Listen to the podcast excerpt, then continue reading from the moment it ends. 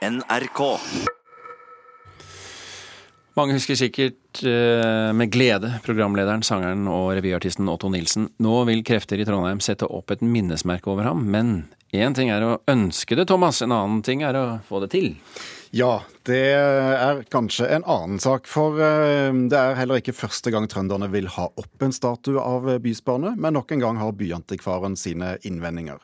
Det kommer vi tilbake til eh, om litt her i Kulturnytt. Først eh, skal vi høre at snart kommer høyttalerne du kan kommunisere med på norsk, de såkalte smart-høyttalerne. Testing er i gang hos eh, radiostasjoner og mediehus her i landet. Googles høyttaler som eh, testes her, snakker både svensk, dansk og norsk snart. How do you say I love you in Norwegian? Jeg elsker deg. Denne lille smarthøyttaleren fra Google oversetter fra engelsk, men i løpet av få måneder forstår den norsk og lystrer stemmen din. Hei, her er siste nytt fra NRK klokka 13. NRK tester ut hvordan nyheter i kortform kan høres ut dersom du skulle be smarthøyttaleren din om det. For radiostasjonene er dette spennende nytt. Det mener i alle fall direktør Kenneth Andresen i P4. Og for oss så er det først og fremst en fantastisk mulighet for å få nok en høyttaler som kan spille radio. Men hvis det er mulig å høre siste nytt akkurat når du selv vil, vil ikke da smarthøyttalerne føre til mindre lytting på direkteradio? Marit Rossnes, som er produktutviklingssjef i NRK, tror ikke det. Vi vet jo ikke så mye om det, men eh, det vi ser fra tall fra andre markeder, er at det brukes mye til direkteradio. Eh, og så blir det spennende å se nettopp hvordan de bruksmønstrene blir i Norge. Direktør Kenneth Andresen i P4 tror heller ikke det. Så jo flere eh, dingser du har hjemme som kan spille radio, jo mer kommer du til å bruke radio fordi det er mer tilgjengeliggjort for deg, ikke sant? Hans Petter Nygaard Hansen er teknologiekspert.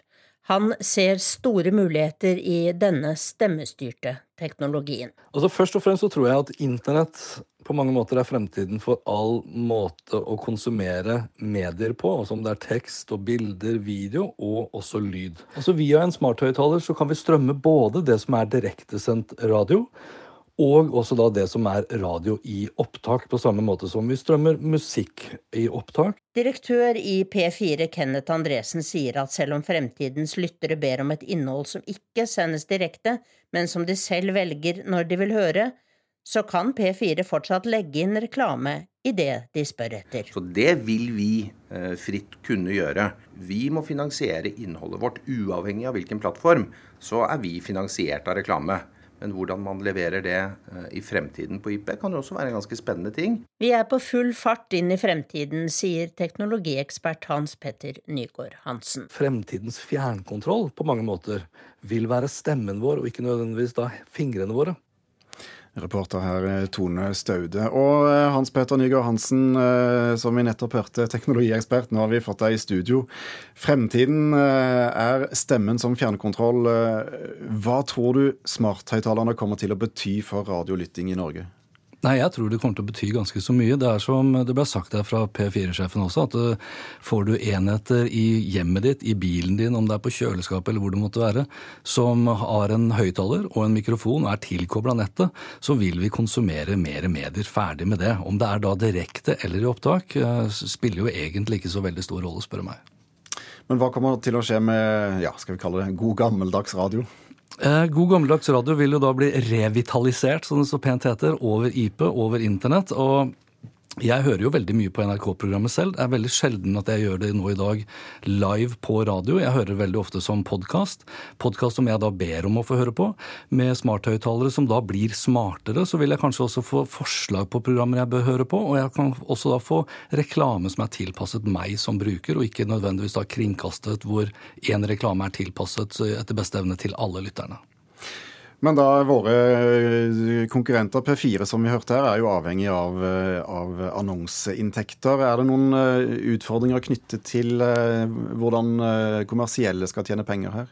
Jeg vil ikke si at det er noen utfordringer knyttet til det. Det er heller større muligheter. For i dag så legger du liksom et reklamespor uh, i, i ett program, sender det ut på eteren uh, til alle. Nå kan du da bruke datasporene som du og jeg legger igjen, og tilpasse da reklamen slik at den oppleves mer relevant, avhengig av hvem jeg er, hva jeg eventuelt er interessert i, og kanskje også hvor jeg befinner meg, og hvilket tidspunkt på døgnet det er snakk om. Mm.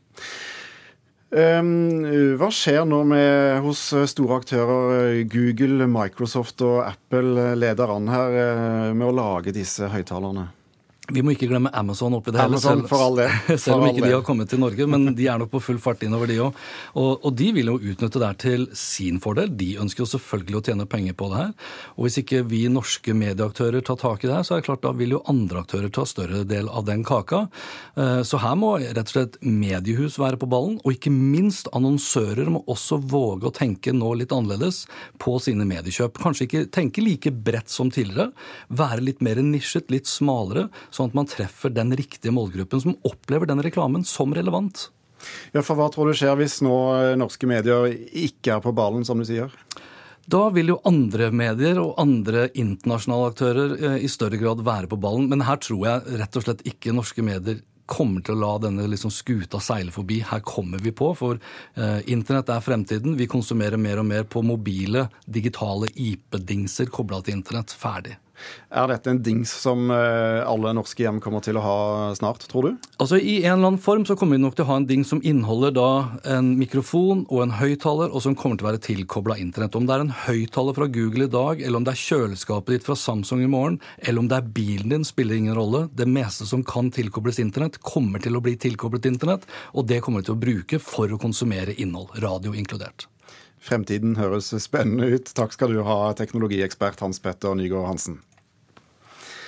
Vi skal eh, tilbake i tid, for å si det sånn. En skulptur eh, for, Jo, for snart 20 år siden så ble planer om en statue av radiopersonligheten, sangeren og forfatteren Otto Nilsen, på Gamle Bybro i Trondheim stoppet av Byantikvaren. Nå vil eh, nye krefter sette opp et minnesmerke på Bakklandstorget, et steinkast fra Gamle Bybro. Men igjen har Byantikvaren innvendinger. Bakklandets vakre vakre Maja.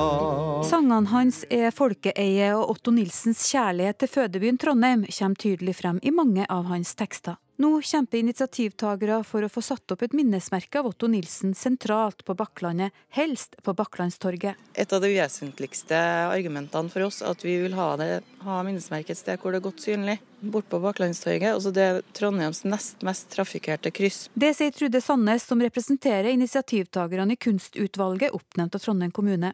Utvalget leder arbeidet for å få etablert et minnesmerke over Otto Nilsen, en sak som har vakt stor interesse. Det var en gang det kom en mann med en hannhund i et bånd. For 20 år siden var også sterke krefter i sving for å hedre Otto Nilsen med en statue i Trondheim. Billedhugger Nils Aas laga en flott modell, Ønsket den gangen var å plassere statuen på Gamle Bybro, noe som ble stoppa av Byantikvaren. Nå har Byantikvaren igjen grepet inn. Byantikvaren er ikke imot eh, at man får til et minnesmerke på, på Bakklandstorget. Men eh, når vi først ble forelagt de skissene på det minnesmerket som, som det nå er planlagt, så så vi ganske raskt at det her var med, med dimensjoner og størrelse som gjør at det blir veldig krevende å få en plassering på Bakklandstorget. Det sier antikvar Roy Åge Håpnes hos Byantikvaren i Trondheim. Etter innvendingene fra Byantikvaren skal flere alternative plasseringer nå utredes. Gåsaparken En grønn lunge like ved er blitt mer aktuell, noe som skuffer initiativtaker Trude Sandnes. Argumentet fra Trondheim kommune er at det vises godt på andre siden av elva.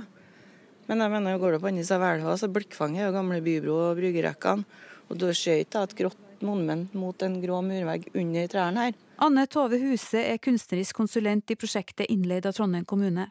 Hun har forståelse for Byantikvarens innvendinger, og håper de til slutt finner den beste plasseringen for kunstverket slik det fremstår i dag. Ja, det er en kurerradio kureradio som er hogd ut i eh, granitt. Den er veldig, Steinen er veldig lys.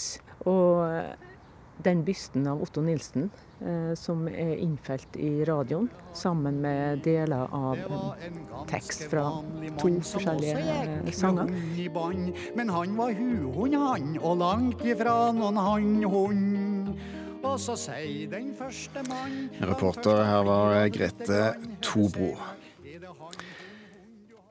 Det norske Samlaget feirer 150 år, og kommer i den anledning med en serie utgivelser de kaller Norsk røyndom. Tre bøker kommer i dag, og vi skal ta for oss den ene. Den er skrevet av 20 år gamle Sumaya Jirde Ali, norsk-somalier, oppvokst i Bodø.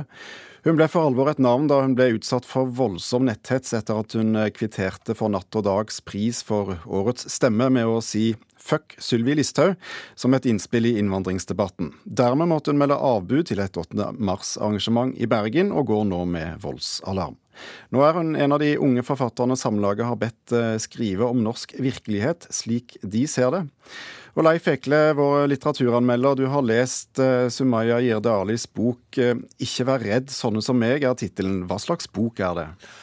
Tja, det er en kortfattet bok. 92 sider. Det kortfattede gjelder for øvrig også de andre bøkene så langt i denne serien.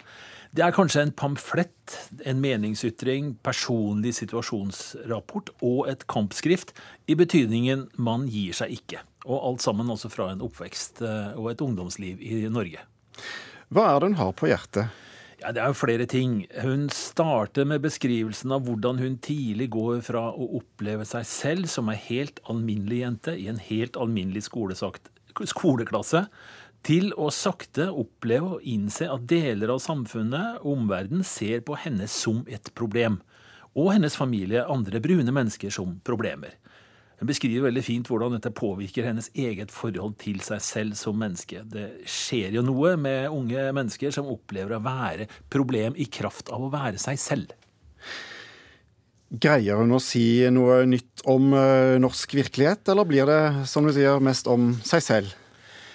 Eh, ja, hvor nytt det er, avhenger av øyet som, som ser. Eh, hun forteller sant, hvordan hun som tenåring stikker hodet fram i offentligheten, blir såkalt samfunnsdebattant, og de reaksjonene de avstedkommer, mange er positive, og en del er voldsomt negative. Nett, beskrivelsen hennes av netthetsen er til dels fryktelige. På en av de første sidene skriver hun at særlig én kommentar følger henne. Og den er slik Slå ring om henne, søl bensin og tenn faklene. Det sier seg selv at sånt er uhyre skremmende. Mm.